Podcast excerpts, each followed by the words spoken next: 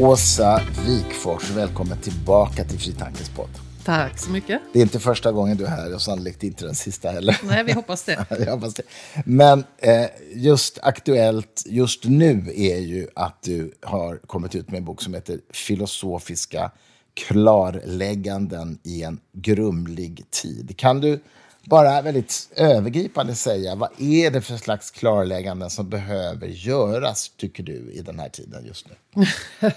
ja, det är ju många. Uh, man kan ju börja prata med om, om vad, vad det grumliga är. Ja. Just. Mm, um, det är lite olika saker. En sak naturligtvis har att göra med det förgiftade informationslandskapet. Mm. Att det är så oerhört svårt uh, för oss som individer att avgöra vad som är pålitligt och opålitligt.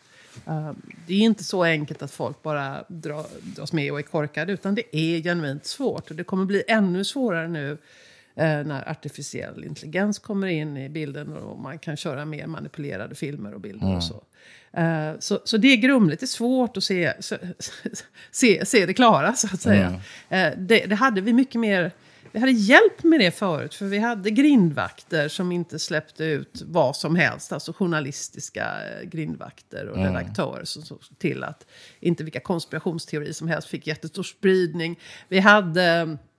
Eh, liksom, det, var, det var mycket enklare att hitta till de pålitliga källorna än vad det är nu. Så det är en, en grumlighet och där kan jag som filosof dels prata om vad som skiljer det välgrundade från det ogrundade det rationella från det irrationella. Och eh, hur man ska tänka runt, runt kunskap, skilja mellan kunskap och åsikt. Och, så. Mm. och det förutsätter ju att man vill det, tänker jag. Ja, visst. Det handlar mycket om viljan. Och jag, eh, den, viljefrågan är ju komplex då. För jag tror, ibland sägs det ju, man, man pratar om det här med postsanningens tid. Mm. Uh, och då är frågan, vad betyder det egentligen? Ja, det kan man ju fråga sig. Men en definition som har getts då är att det är en tid när folk inte bryr sig om sanningen. De vill mm. inte veta hur det är. Mm. Um, och det ligger något i det kanske. Uh, det finns viss evidens att folk till exempel de vet att Trump ljuger. Så, men de, de gillar honom ändå. Så, så man, mm. uh, men jag tror inte rent generellt att det är särskilt att det är det. Utan jag tror att människor eh, vill, vill veta hur det är. Uh, och uh, bryr sig om sanningen. Eh, det är bara det att det har blivit i det nya informationslandskapet och det nya politiska landskapet så förtvivlat svårt att komma överens om vad som är sant.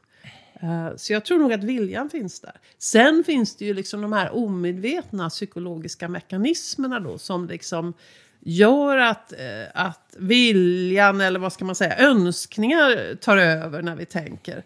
Uh, och gör att vi inte tänker förnuftigt utan att, till exempel att vi drivs av bekräftelsebias då. Mm. och det är ju liksom någon, kan man säga, någon slags undermedveten vilja som gör att, att vi försöker bekräfta det vi redan tror. Så, så viljan kan ju ställa till det på mer eller mindre medvetna sätt förstås. Så är det. Och likadant det här vad gäller faktaresistens, när man slår ifrån sig fakta. Då handlar det om att önskningarna kommer i vägen för förnuftet. Och där är det väl så att om önskningarna eh, är så att säga, ju starkare de är förknippade med ens bild av ens egen identitet, desto mindre benägenhet är man att pröva nya fakta. Ja, det, det, det, finns många skäl till att de här önskningarna kan komma i vägen för, för fakta. Då. Eh, men en, en, en, ett sådant skäl har ju just att göra med identitet. Och det har man ju tittat på det man kallar för politiskt motiverat tänkande. Som mm. handlar om att vi gärna vill hålla fast vid de övertygelser som hör till vår politiska, ideologiska, kulturella grupp. Om det nu handlar om ja, genmodifierade grödor eller klimatet eller vad det kan vara. Uh, och då är identitetsfrågan blir liksom akut. Då, för om då forskningen kommer och visar att det vi tror i min grupp är fel. Uh, då, då löper jag en risk om jag ändrar mig. För då sticker jag ut ur gruppen. Uh, så då blir det, det blir ett identitetshot när forskningen kommer och visar att min grupp har fel. Och då, det finns ju liksom mycket evidens för det. Att då försöker människor alla, alltså det här är mekanismer vi har inom oss alla. Då försöker man hålla fast vid det här som, som är viktigt för gruppen. Och man gör det inte bara genom att liksom blint avvisa fakta, för så, vi är lite för rationella för det.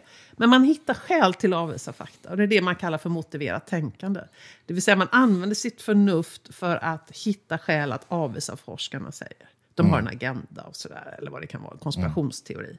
Mm. Um, så att eh, eh, det är en av de centrala mekanismerna det som pågår nu. Kan, innebär det att, det att det skulle kunna vara så att människor som så att säga är mer välutrustade intellektuellt än andra kan vara ännu svårare att påverka? Just för att de har bra intellektuella verktyg att hålla fast vid det som är fel. Ja, det är ju inte en orimlig hypotes. Och, men det är lite omstritt i forskningen. I början så fanns det viss evidens för att det var så att de som hade större liksom, eh, kunskap och intellektuell kapacitet var ännu värre mm. på det här. För att de, kunde, de hade mer förnuft att använda för att avvisa evidensen. Ja, det är det jag menar. Ja. Och det är lite mörkt. Ja, det är lite mörkt. Men samtidigt så har inte den där tesen riktigt eh, eh korroberat. Det vill säga, den har inte riktigt bevisats vara sann. Det finns annan evidens som visar på att större kunskap och större intellektuell förmåga gör att man är mindre benägen att göra det här. Mm. Så bilden är oklar där, rent evidensmässigt. Ja, jag förstår. Jag förstår. Intressant. Jag vet ju att du har ju en kollega i ditt forskningsprojekt kring de här frågorna som heter Christopher Chabri. Mm -hmm. Som också kommer ut med en bok på svenska snart nu.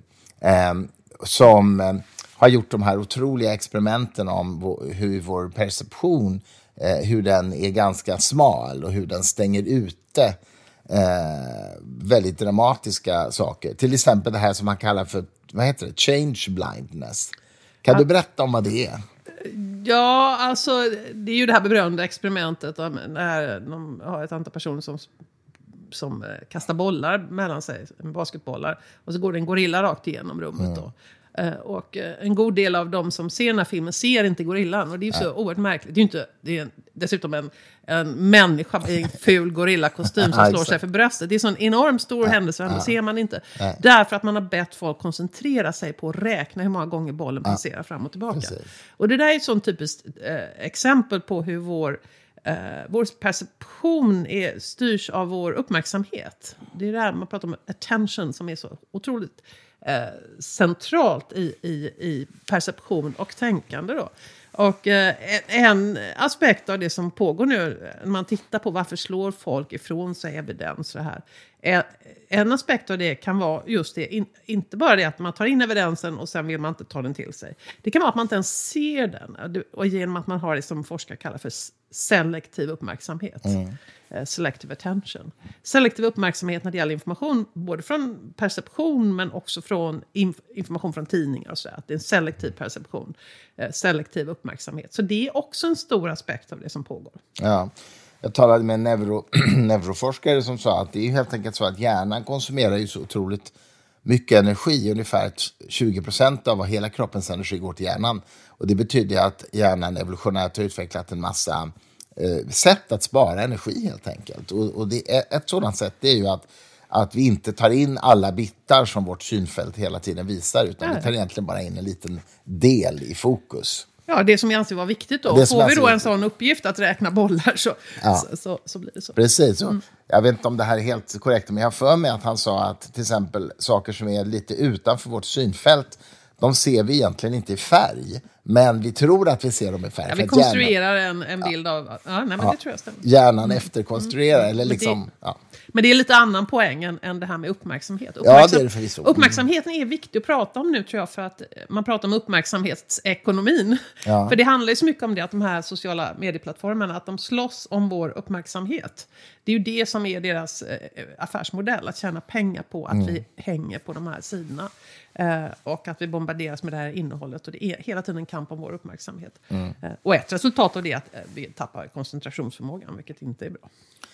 Nej, det är ju sannerligen inte bra. Och, och, där kommer ju AI in igen, därför vi vet ju att AI har, har kurerat innehåll individuellt, individuellt anpassat på nätet, eller hur? Mm. Via sociala nät. Men nu börjar ju AI också skapa innehåll, Visst. kreera innehåll. Så att vi kommer ha både kurerande AI och kreerande AI med en hastighet som är oändligt mycket snabbare än, än när mänskliga trollfabriker gör detta. Mm. Hur, hur, hur, ser du liksom, hur ser du, vad, vad, ser du för problem med det och när ska vi verkligen, vad ska vi göra åt det så att säga? Ja, men eh, ja, vad ska vi göra? Det är ju ett enormt problem naturligtvis. Vi är mm. manipulerbara för, för fejkat nyheter och för annan typ av desinformation. Eh, det vet vi redan. Uh, men nu, nu blir det ju liksom uh, en, en, helt annan dimension på det här. Man behöver inte ha en trollfabrik i Sankt Petersburg som de hade när de satt ett antal personer Nej. som jobbar på beting för att skapa fejkade nyheter. Utan man kan göra det otroligt mycket enklare, billigare, snabbare. Och överväldiga hela internet med det här. Mm. Uh, och uh, dessutom är det då vad AI kan göra med bilder och fejkade filmer och få folk att säga saker som de aldrig har sagt i en intervju till exempel. Mm. Jag tror vi står helt försvarslösa inför det där. Uh, vad ska man göra? Ja, det finns väl både kanske då tekniska lösningar som diskuteras hur man ska kunna liksom, mm. på något vis eh, det, ska gå, det ska gå att veta om ett innehåll är AI-genererat eller inte. Mm. Eh, och, men sen tror jag också att, och det har jag tänkt, tyckt länge, att man måste kräva större ansvar från de sociala eh, eh plattformarna. Mm. Alltså, genom lagstiftning då, antar jag? Ja, genom lagstiftning. Mm. Och det behöver inte alls innebära inskränkningar i yttrandefriheten. Det ju, finns ju många andra saker man kan göra som görs nu också. Eh, man, kräver, eh, man kräver att eh, opolitligt innehåll eh, flaggas och att det, att det modereras på olika sätt. Och det visar ju mm. forskning också att det är bästa sättet. Mm. Jag tänker också, jag skrev ju om det nyligen i DN, att man kanske också kan använda tekniken för att, det finns ju idag tekniker som gör att man kan så att säga vattenmärka en, mm. Eh, en information så att man vet att den inte har manipulerats sedan den lämnade avsändaren. Visst. Eh, det är det jag tänker, att det kan finnas sådana tekniska ja. lösningar också. Det är ju bra, för det finns ju en annan risk här, nämligen att man för att man är rädd för AI-genererat innehåll, att man inte tror på någonting. Ja. ja, så det är också en risk, va? att man tänker att ja. allt är opolitligt. Vi måste ju tro på det pålitliga. Mm. Eh, annars får vi ju ingen kunskap alls. Nästan all vår kunskap om samhället och, och liksom samtiden och politiken kommer från källor av olika slag. Ja. Ja, det där är verkligen sant. Jag har tänkt på det när jag har pratat med folk som har dragning till konspirationsteorier. Att Eh, Eh, och du vet, som visar upp artikel efter artikel på nätet som eh, säger någonting. Och där varken den personen eller jag har kompetensen att avgöra, för det ser liksom vetenskapligt ut. Så här. Då har jag alltid sagt att man måste tala om det här på en metanivå. Ja. Vad finns det för skäl till att tro den här individen? Vad beror det på att alla, alla normala media säger att det här är en konspirationsteoretiker? Skulle de ha samordnat det som en förtalskampanj? Är det rimligt? Och så vidare. Det är liksom en slags metaresonemang, eller hur? Nej, men det är absolut, och det brukar jag också betona. Vad, vad är sannolikheten att 10 000 forskare har fel mm, mm. och gubben i en källare har rätt? ja, liksom. Eh, och det, man måste lyfta till den nivån och, och prata om vad, vad vetenskapliga institutioner gör för att motverka att det blir fel och skevt. Mm. För att som individer är ju forskare också sårbara. De har bekräftelsebias mm. och allt möjligt som driver dem. Men, men det är ju just det att vi har de här interngranskande mekanismerna på, på universitet och andra forskningsinstitutioner som, som är gjorda för att upptäcka fel. Eh, så jag tror också man måste lyfta det till metanivå för att om vi vid varje sådan, dels liksom all, att, om vi alltid ska liksom försöka ta ställning till om en källa är pålitlig eller inte. Det är tidskrävande och svårt. Ja, det går ju inte. Och det går inte. Och det andra är, som jag brukar betona mycket också, att vad det gäller väldigt mycket om av all, all, allt om vetenskapen, också om samhället i stort, så har vi ju ganska just för att vi får så mycket av kunskap från källor av olika slag, har vi ju en ganska grund förståelse vad det gäller väldigt många saker. Mm. Även du och jag som är välutbildade, hur mycket kan vi i detalj om klimatförändringarna? Ja, ja, och kommer det någon då som vill förneka det mm. Eh, och kommer med sina skeva grafer och grejer och man inte, då står man sig väldigt slätt. Ja, verkligen. Ja, så man måste lyfta det till, till metanivån, det håller jag helt med om. Mm, mm. Jo, men det, det är verkligen så. Du, du skriver i, i boken Filosofiska klarläggande, ett kapitel heter Varför tror så många på den stora lögnen? Mm. Kan du utveckla det lite grann? För det där tycker jag är intressant. Typ val, för att valet var riggat till exempel. Det, det amerikanska presidentvalet. Ja. ja. den här artikeln skrevs ju strax efter stormningen av Kapitol. Ja. Nej, strax före stormningen av Kapitolium till och med. Alltså, tror jag. Ja. Det var strax efter valet. Eh, när, det var, när, det, när det framgick då tydligt att att eh, det som vi visste innan, för Trump hade sagt att han skulle frågasätta valresultatet och så gjorde han det och så spreds det då enormt mycket desinformation runt omkring ja. det här. Eh, så, och då gick man ju in och gjorde enormt mycket grundliga liksom, undersökningar av olika av valmaskiner och vallokaler och man mm. räknade om. Det gjordes enormt mycket undersökningar av det här. Och det fanns noll och ingen evidens för att det var eh, något som helst problem med, med valresultatet. Eh, och, detta, och det var liksom statliga myndigheter som gick in och undersökte. Och ändå, trots att det blev liksom överväldigande tydligt att det fanns inga problem i valet, så trodde en sån stor del av de republikanska väljarna på den stora lögnen. Eh, och det som känner, det här begreppet stora lögnen kommer från Hitler då. Eh, för det var ju den här tanken att man ska ljuga så stort att folk tänker att om det kan han väl ändå inte ljuga. Det är omöjligt, det är för stort, så det måste vara sant det som sägs. Ja. Eh, och den här lögnen är ju av det slaget. Inte kan väl en sittande president ljuga om en så stor sak som valresultatet. Trump måste ju tala sanning. Så det, så det, det ligger i den stora lögnen. Intressant. Ja. Och efter, då, efter det här valet, och efter att det här hade börjat, då, då, då, den, här, den artikeln har jag skrivit tillsammans med mitt forskarteam. Vi har ju ett stort forskningsprogram om kunskapsmotstånd. Då. Uh, där, uh, med psykologer, statsvetare, medieforskare och, filosofer förstås. Mm. Och då sa vi att det här, är ju, det här är ju exakt vår fråga. Varför tror folk på det här? Trots att evidensen är totalt överväldigande mm. för att det är falskt. Då. Uh, så då tänkte vi att vi bör skriva den, den, en text om detta. Vad, vad de olika disciplinerna har att säga om detta. Mm. Filosofiskt, psykologiskt, statsvetenskapligt och medievetenskapligt. Men en ingångspunkt var också att egentligen och även om man tar in alla de här aspekterna, att, att folk är... Vi har våra psykologiska sårbarheter, bekräftelsebias och annat. Och vi har... Eh, liksom vi, vi, är väldigt beroende av, av informationsflödet runt omkring oss, av medierna och sådär. Och politisk liksom, oenighet och polarisering kan driva kunskapsmotstånd. Och även om man tar in alla de där sakerna så förblir det nästan helt obegripligt hur folk kan tro detta. Nej. Så det är nästan skrivet som en som en reflektion runt en paradox. Hur är det möjligt att folk faktiskt tror på detta? Sen finns det ju en, en problematik i det här är att, eh, ja, tror de på det eller säger de bara att de tror på det? Mm. Det är ju också, det är ju en sak som är svårt med sådana här ja. opinionsundersökningar. För man pratar ju om något som man kallar för cheerleading belief, det vill säga när man frågar har Trump rätt i det här så säger alla yes of course, he's our guy, han har rätt. Va? Mm. Även om de inte riktigt tror på det. Så man vet inte om det är så många yeah. som verkligen tror på det. Men det var ju ett stort antal människor som trodde på det så mycket att de var villiga att storma Kapitolium. så, yeah. att, så, att, så, så att, uh, det är djupt oroväckande. Eller ja, jag, man kan, jag har inte ens ord för det. Ja, men amerikanska demokratin står ju inför en avgrund nu. Mm. Uh, totalt. Jag menar, Trump kan vinna. Alldeles oavsett. Mm. All denna kunskap om att han i princip vill införa tyranni och att han har ljugit eh, sig igenom hela sitt presidentskap. Vad händer med USA om Trump vinner nu, tror du? Tror du är det så att, att man inte kan se USA som ett demokratiskt land längre? Ja, jag tror, jag läste just igår en statsvetare, vad heter Robert Kagan, som skrev om det här. Ja, han tror att det kommer, det kommer att bli eh, en diktatur mm. i USA. Och Trump, det är ju en sak, det har Marsha Gessen sagt någonstans, det här att auktoritära ledare, de gör allt vad de säger att de ska göra. Det är någonting man ska ta med mm, sig. Det, Putin gjorde precis vad han sa han skulle göra. Och Trump har sagt vad han ska göra. Han ska eh, upphäva delar av konstitutionen. Han ska eh, eh, slänga ut alla tjänstemän på myndigheter och sätta politiskt eh, loja lojala, okunniga, mm. oerfarna personer där.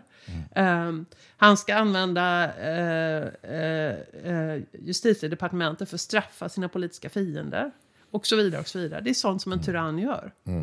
Uh, så att uh, när man läser ju om det här i USA och folk blir mer och mer livrädda. Och samtidigt så fortsätter Trump att växa och, och, i politisk popularitet. Det är helt, helt häpnadsväckande mm, som pågår och djupt skrämmande. Och han, för, för, USA, och för Europa och världen. Ja, han börjar ju använda en retorik som, man, som kommer från andra världskriget, att vi ska utrota ohyran och sådana saker. Ja, andra världskriget, det kommer från Min kamp. Det är ju ja. Hitlers bok alltså. Mm, mm. Eh, det är ju nazismen. Eh, och det gäller ju överhuvudtaget när uh, man förbereder ett folkmord. Så, så det brukar ju försiggå, så jag skriver ju lite om det i Därför demokrati. Av att man beskriver de politiska motståndarna i termer av sjukdomar och ohyra. Då. Ja, så det där går, det finns, går långt tillbaka. Mm. Det handlar om avhumanisering, att beskriva en grupp människor som eh, inte är fullt mänskliga och därför något man kan krossa eller mm. gasa ihjäl. Mm. Ja, precis. I folkmordet i Rwanda tror jag man kallar dem Ex. för kackerlackor. Kackerlackor. Um. Det var likadant eh, under Balkankriget så eh, fanns de här sakerna. Och, och mm. nazismen. Så att är, när han säger de här sakerna och dessutom pratar om orent blod. Eh, han säger att migrationen till USA eh, eh, gör att det amerikanska blodet är orent. Vilket är helt bisarrt om man tänker på denna smält kulturella och liksom eh, eh, mänskliga smältdegel som, som den amerikanska kulturen mm. utgör. Eh, eh, det, men det går hem. Men finns det inte ändå en förhoppning, man hör vissa jurister säga att han kanske inte är eh, lagligt får ställa upp på grund av att han har då eh, konspirerat mot konstitutionen och sådär? Att domstolen kan komma fram till det? Jo, det är klart att han... Eh, det, det, finns säkert skäl att kunna komma fram till det. Men vad händer om de kommer fram till det? Mm. Inbördeskrig kanske? Ja, det är det, det, är det man inte vet. Och, och, och mm. även om han då hamnar i fängelse. Det är inte alls otänkbart. Eh, så det kan han bli vald till president och det första han kan göra är benåda sig själv. Och sen kommer han ge sig på alla sina fiender. Ja, just det. Men, men just den här grejen jag tänkte på förhindrar honom från att kunna bli vald till ett officiellt ämbete. Det är någon grundlagsparagraf. Ja, det, det, visst, det finns en sån, det ja. finns en sån eh, eh, lag. Eh, och skulle det ske så, så är det sant att han inte kan bli vald, men som sagt... Eh, Då kan det bli inbördeskrig Ja, det tror jag. De beväpnar sig till tänderna, Trumps följare nu. Eh, och man tittar på de såna indikatorer på känslomässig polarisering som finns, för det är ju sånt som föregår inbördeskrig, känslomässig polarisering, det vill säga mm. man känner inför de politiska motståndarna. Så går de ju taket på alla, på alla sätt att mäta det. Eh, så att eh, det ligger, eh, om man ser undersökningar som visar att 25% av amerikanerna tycker det vore okej att ta till vapen mot meningsmotståndarna. Det, så illa är det. Mm. Du skriver ju en del också om, om, om, problemet med att inte ha ansvarig utgivare för poddar, som, som vi just gör nu gör en podd. Eh, berätta lite vad du tänker kring det. Ja, alltså det där var ju en artikel jag skrev i DN. Ehm, jag kan väl säga det att det här boken är en samling artiklar jag har skrivit mellan 2018 och 2023. Mm. Eh, som på olika sätt eh, diskuterar hur hoten mot kunskapen ser ut och hur de också mm. utgör ett hot mot demokratin. Då. Eh, och det här var en artikel jag skrev, jag tror eh, var det 2021-2022, när den här eh, Joe Rogans podd, som är, har miljoners lyssnare, eh, hade eh, bjudit in vaccinförnekare och spridit mm. eh, vaccinförnekelse runt omkring dem. Och då, var ju, då uppstod ju en eh, debatt runt det här. Artist, då hade Spotify precis köpt den här podden. Då, Så då, mm. då blev det bråk om eh, hur man skulle, vad man skulle göra åt det här. Och en del artister vägrade ju, eh, eh tog bort sin musik från Spotify som mm. ett straff då. Så det blev väldigt debatt runt det här. Och, de, och andra människor sa ja det är att inskränka yttrandefriheten, han får säga vad han vill och sådär. Ja, det får han ju då. Eh, men det som är så svårt med, de här, med, med den här poddformatet just som vi sitter och har här, men det, okay. det är ju just det att eh, Joe Rogan då, han är en underhållare. Eh, han, eh, han bara underhåller, han tar inte ansvar. Så bjuder han in folk som sitter och säger saker om vaccinet till exempel. Eh, och, eh, men han är inte journalist, så han, inte, han ställer inte de kritiska frågorna tillbaka. Då, Nej. utan den här gästen får sitta och lägga ut texten om någonting, sprida konspirationsteorier och annat. Så gästen tar ju inget ansvar. Och Spotify, ja, de är ju bara en plattform för underhållning, så de tar inget ansvar. Det finns ingen som tar ansvar mm. i det där. Och det, det är ju ett enormt problem. Och det skiljer det här poddsamtalen från, från traditionella radiointervjuer eller, eller traditionell journalistik. Mm. Precis, och så, och så finns det ju en podd för i stort sett vilket ämne som helst, eller vilken konspirationsteori som helst. Så att den som vill gå in i en sån här filterbubbla kan ju göra det. Visst. Och det är ju det där som vi pratade från början då om, om det här med bekräftelse bias. Vill man, liksom, är man inne på det spåret lite går, går det ju väldigt bra att gå ut och hitta mängder av innehåll som bekräftar mm. det man vill tro. Mm. Eh, till exempel poddar. Mm, mm. Nej, men, precis. Um, och vi var inne på det också lite grann. Vad är det som gör att vissa människor kanske inte ens egentligen tror på de här tokerierna, men man säger att man tror på dem. Visst har väl det att göra med behovet av social gemenskap också, att få vara med i det här gänget som har en insikt. Liksom. Jo, men det gör det. Eh, det var ju det vi pratade om när vi pratade om politiskt motiverat tänkande som ja. har så mycket med sociala gemenskapen ja. att göra. Att, att passa in då. Man, det var ju lite lustiga historier från USA under pandemin då, med det här med vaccin då. Människor som bodde i den amerikanska södern och var, var stort vaccinmotstånd i vissa områden. Um, som, som smet iväg i hemlighet för att vaccinera sig. För de, de wow. vågade inte liksom sticka ut. Då, okay. uh, så det där är absolut en aspekt av det.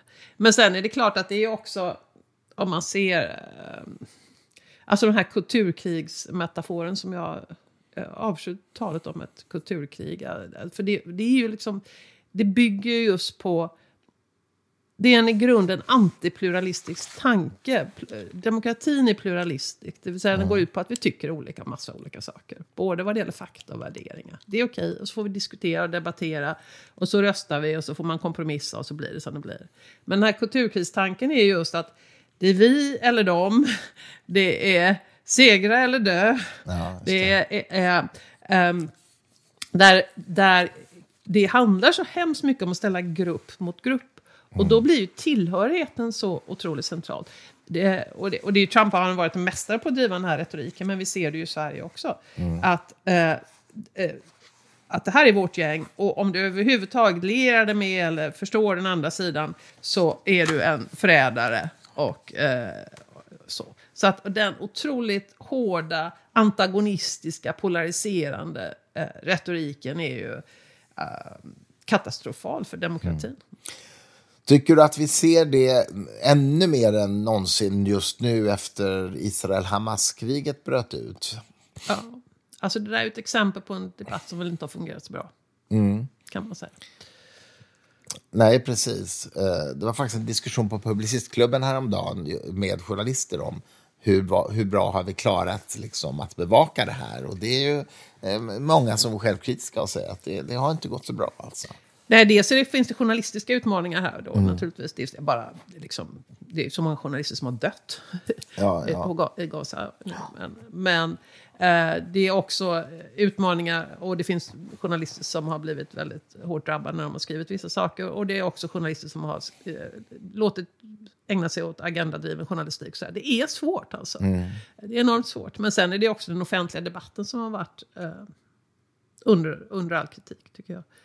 Där, den enormt komplexa situation som det är i Israel eh, och Palestina eh, har, har eh, förenklats eh, på otroligt problematiska sätt. Och folk eh, vågar inte fördöma våldet eh, mot Israel.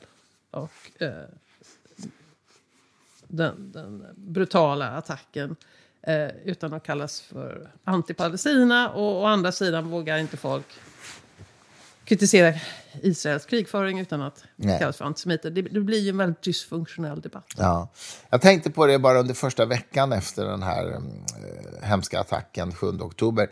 Så tänkte jag på, det är väldigt subtilt, men ändå, jag tänkte på att många svenska medier talade om Hamas som den terroriststämplade organisationen Hamas, medan man alltid har sagt terroristorganisationen IS. Man har inte sagt den terroriststämplade organisationen IS. Och jag funderade på det, om det där var något slags distansering eller om det bara är en slumpmässig...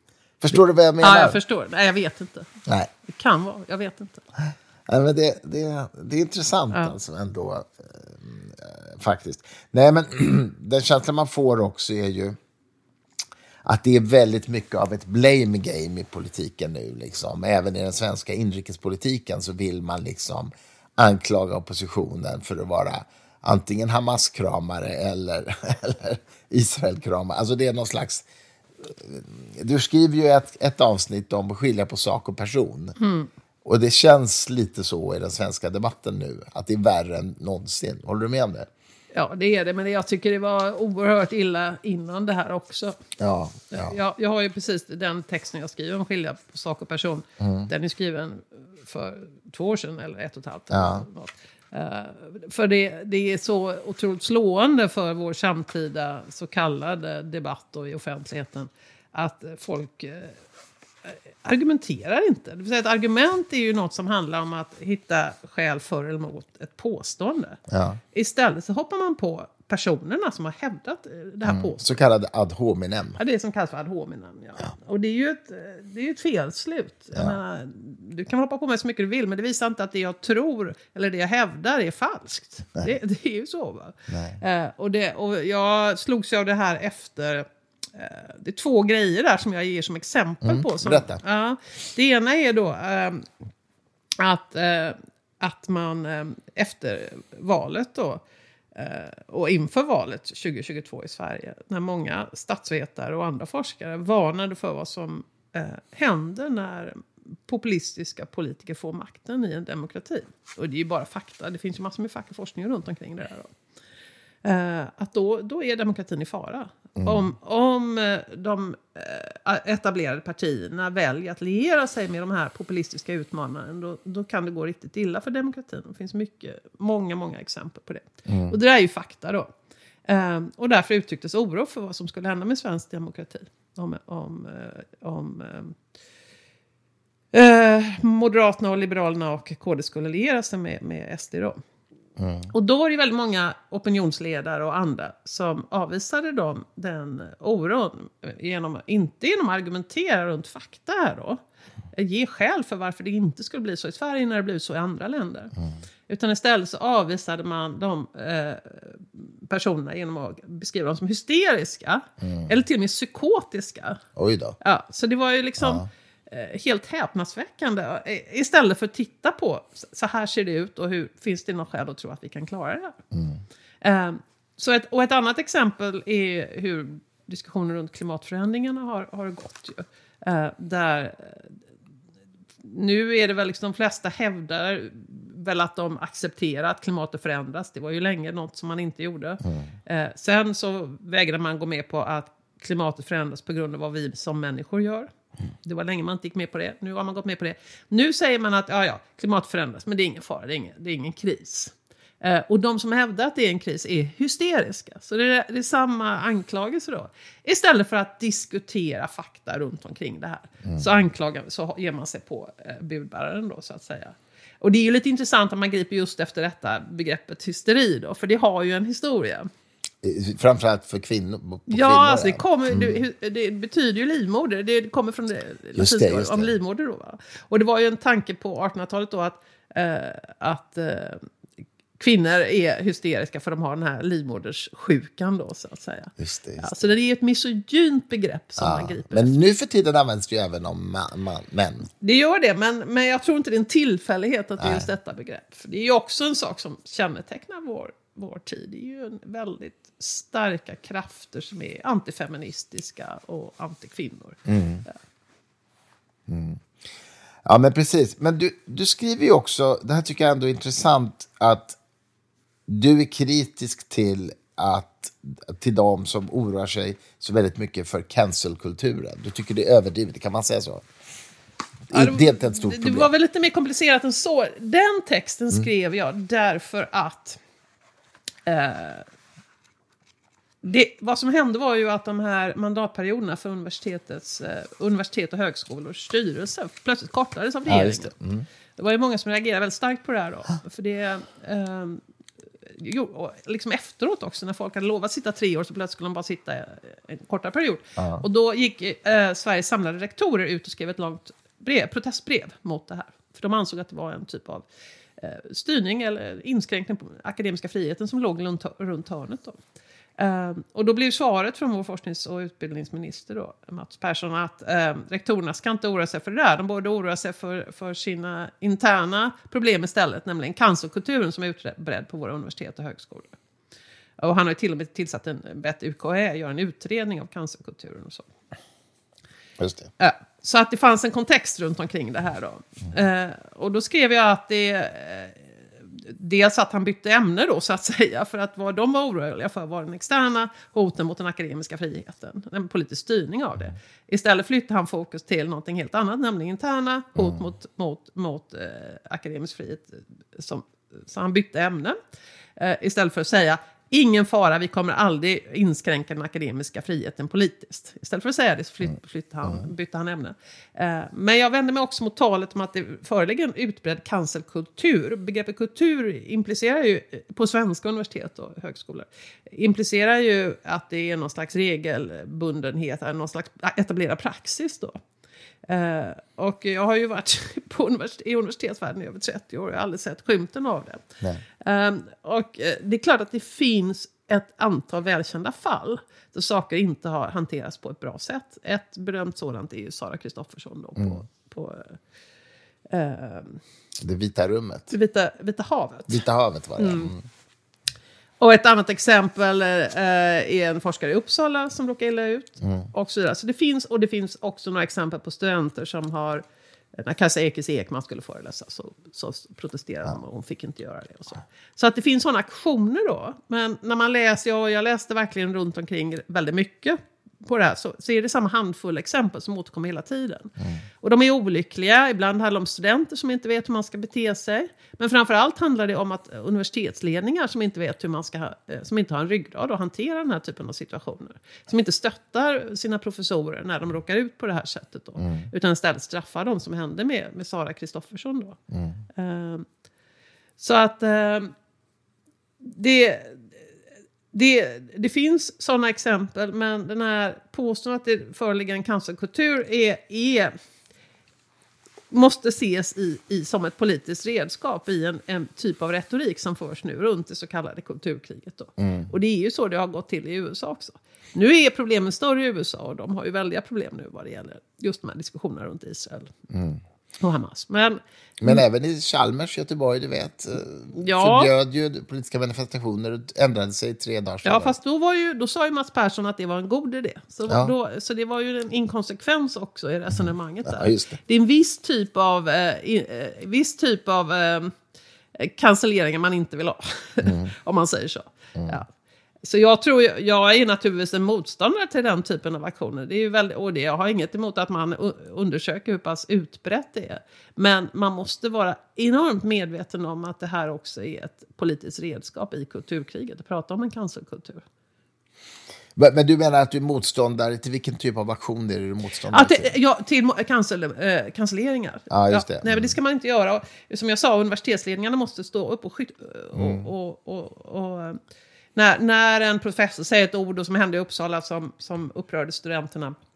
Istället för att straffa den professorn då som hände.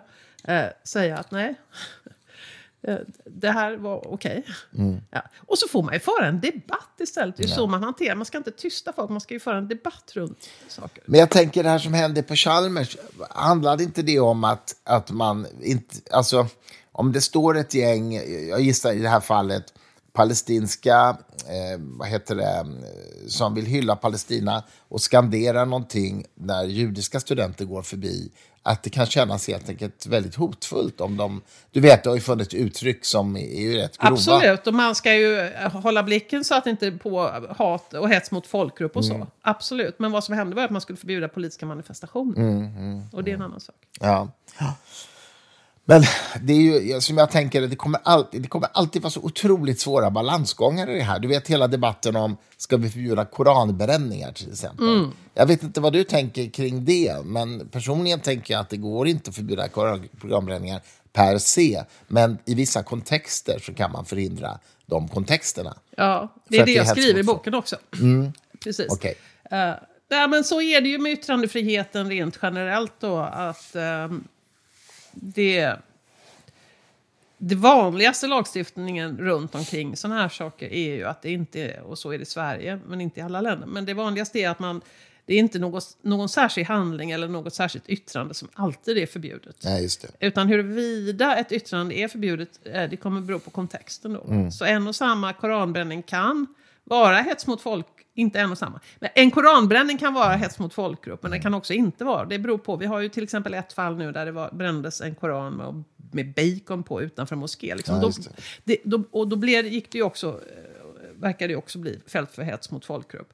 Eh, så att det kommer alltid vara kontextbestämt. Eh, och det går ju tillbaka till redan de grundtankarna runt yttrandefrihet som kom från John Stuart Mill, filosofen. Då, mm.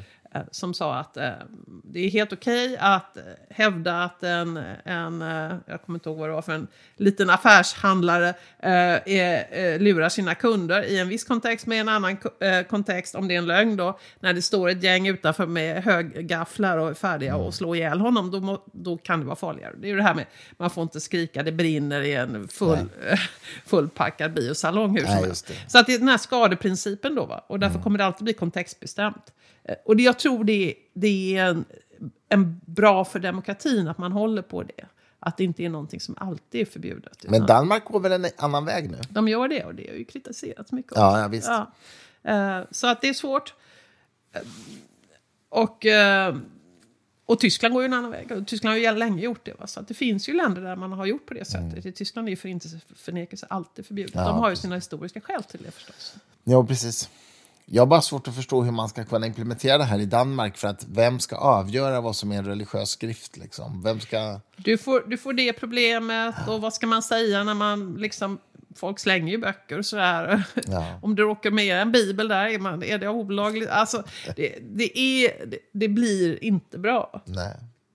tror jag. Jag, jag samtalade för någon månad sedan med en, eh, en, en from muslimsk intellektuell fundamentalist, får man nog ändå säga att han var.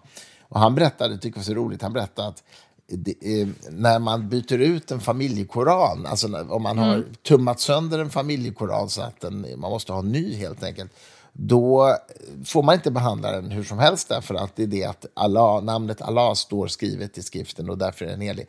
Men då finns det två saker man får göra. Man kan antingen strimla sönder den för att det inte syns att det står Allah, eller så kan man bränna den. Ja, det liksom, ja, det var ju lustigt i sammanhanget. Eller hur? Ja. Lite lustigt. Alltså, Nej, men det illustrerar ju problematiken. Ja, exakt, exakt.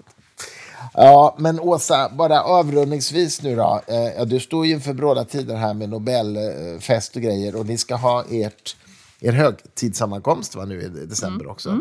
Händer det spännande då? Ska ni presentera, nu tänker jag alltså på att du är ledamot Svenska Akademin. Eh, händer det, ska ni presentera Svenska ordboken, eller vad heter den? Svenska Akademins ordbok? Ja, det kommer, det, det kommer ju sista bandet. Ja, det är det jag menar. kommer lagom då. Ja, Eh, så det kommer ju vara en sak. Som, 140 böcker va? Ja, eh, och det kommer ju vara en sak som dyker upp eh, då. Men sen har vi två nya eh, ledamöter också. Och det, det är ju alltid spännande. Eh, Anna-Karin Palm och David Håkansson då som är... Han, Anna-Karin Palm är ju författare. Eh, och, och David Håkansson är ju då eh, nordist, alltså nordiska språk. Och, eh, De tillträder då, ja. de tillträder då, för det är ju alltid så att man tillträder vid högtidssammankomsten Mm. och sen är de med från och med våren. Och eh, de ska ju hålla sina inträdestal och det Mm. är alltid spännande. Eh, och det här sänds ju på Sveriges Radio P1 också tror jag. Ja. Så att man kan lyssna på det. Så det är ju lite spännande. Det är ju kul. Ja. Och sen ska Ingrid Carlberg vara direktör. Jag var ju direktör 2021 och när man är direktör så man håller i klubban men man håller också ett direktörstal. Jaha. Så, och, eh, så det kan nog också bli intressant. Din kollega Ingrid har ju också skrivit en bok som handvan, handlar om påverkanskampanjer, minst sagt. Eh, Marionetterna. Ja. ja. Så det är lite kul att ni tangerar varandras Vi områden. tangerar varandra. Hon har ju liksom eh, lite mer ett historiskt perspektiv. Hon är ju en grävande journalist och, Ja. och, och, och en, en stor berättare. Jag kommer ju till de här frågorna från ett filosofiskt håll. Mm. Men vi möts ju där och eh, vi hade ju, vi, det var ju också vi tillsammans som, som ordnade den här, ledde den här konferensen om eh, yttrandefrihet på akademin i mars, and det. Truth Under Pressure. Så det är väldigt, väldigt roligt att, att, att ha henne i akademin och jobba tillsammans. Ja, det förstår Mm. jag. Och kul att akademin lyfter de frågorna. Det är ju jättebra att ni har fått dem att göra det. Så att. Yttrandefriheten ligger till grund för allt vi gör. Ja, vi, ja. ska, vi ska främja litteraturen och språket och det går ju inte utan yttrandefrihet. Vad se, ehm, du sitter ju också i Kungliga Vetenskapsakademin. Vad ser du fram emot mest denna kommande Nobelvecka? Ja, det är ju mycket som är väldigt roligt. Det är svårt att välja. Ikväll är Nobelkonsert och imorgon är det ju Kungliga Vetenskapsakademins mingel. Då. Mm. Då, då är det ju många väldigt spännande människor som kommer dit förstås. Från Mm. akademin och från eh, ja, Nobelpristagare och så. Så det ser jag fram emot. Sen är det ju Nobelfesten förstås på söndag. Och den är ju, den är ju storslagen. Ja, ja, det är och det är ju festernas fest. Så det är klart att jag ser fram emot den. Och... Blir det bra musik i år? Är det officiellt? Vad, vad det Nej, blir? jag vet faktiskt inte. Nej. Jo, det är bra blir det säkert, men vad det är vet jag inte. Förra året var ju Rufus Wainwright. Ja, det, var, häftigt. Ja, det var häftigt. Det tyckte jag också. Så vi får väl se vad det blir i år. Jag vet att eh, vår Nobelpristagare Jon Fosse ska säga några ord. Just det, Jon Fosse, ja. Mm. Ja, Just det. Jag har faktiskt aldrig läst honom, men eh, det verkar vara en fascinerande författare. Ja, det är han verkligen. Han är ju djupt religiös kristen, men jag tror du kan hantera det ändå. Men han är fantastisk. Jag tror jag skulle... Är han katolik? Ja, mm, det är han. Omvände då. Eh, och, och hans, men det handlar ju mycket om de existentiella frågorna så att det, jag tror alla kan hitta någonting där. Septologin särskilt. eh, Då, eh, Om man vill läsa just det av hans skönlitteratur. Sen är ju hans dramatik väldigt känd också. Har du hunnit träffa honom? Ja, igår kväll. Vi, han var på akademin igår och höll sitt inträdes... Eller inträdes, han ska inte träda in i akademin. Hö- Höll sitt Nobel, sin Nobelföreläsning. Ja, ja, ja. Och sen var det middag efteråt. Ja. Hur är en sån person? Liksom? Är han blyg? Ja, det är han nog. Men väldigt, väldigt sympatisk. Ja. ja, det är den bild man får. Nåväl, Åsa, vi ska avrunda. Din bok heter alltså Filosofiska klarlägganden i en grumlig tid. Och det känns ju som att vi alla verkligen behöver detta. Stort tack för att du var med i vår podd, Åsa Wikfors. Tack så mycket.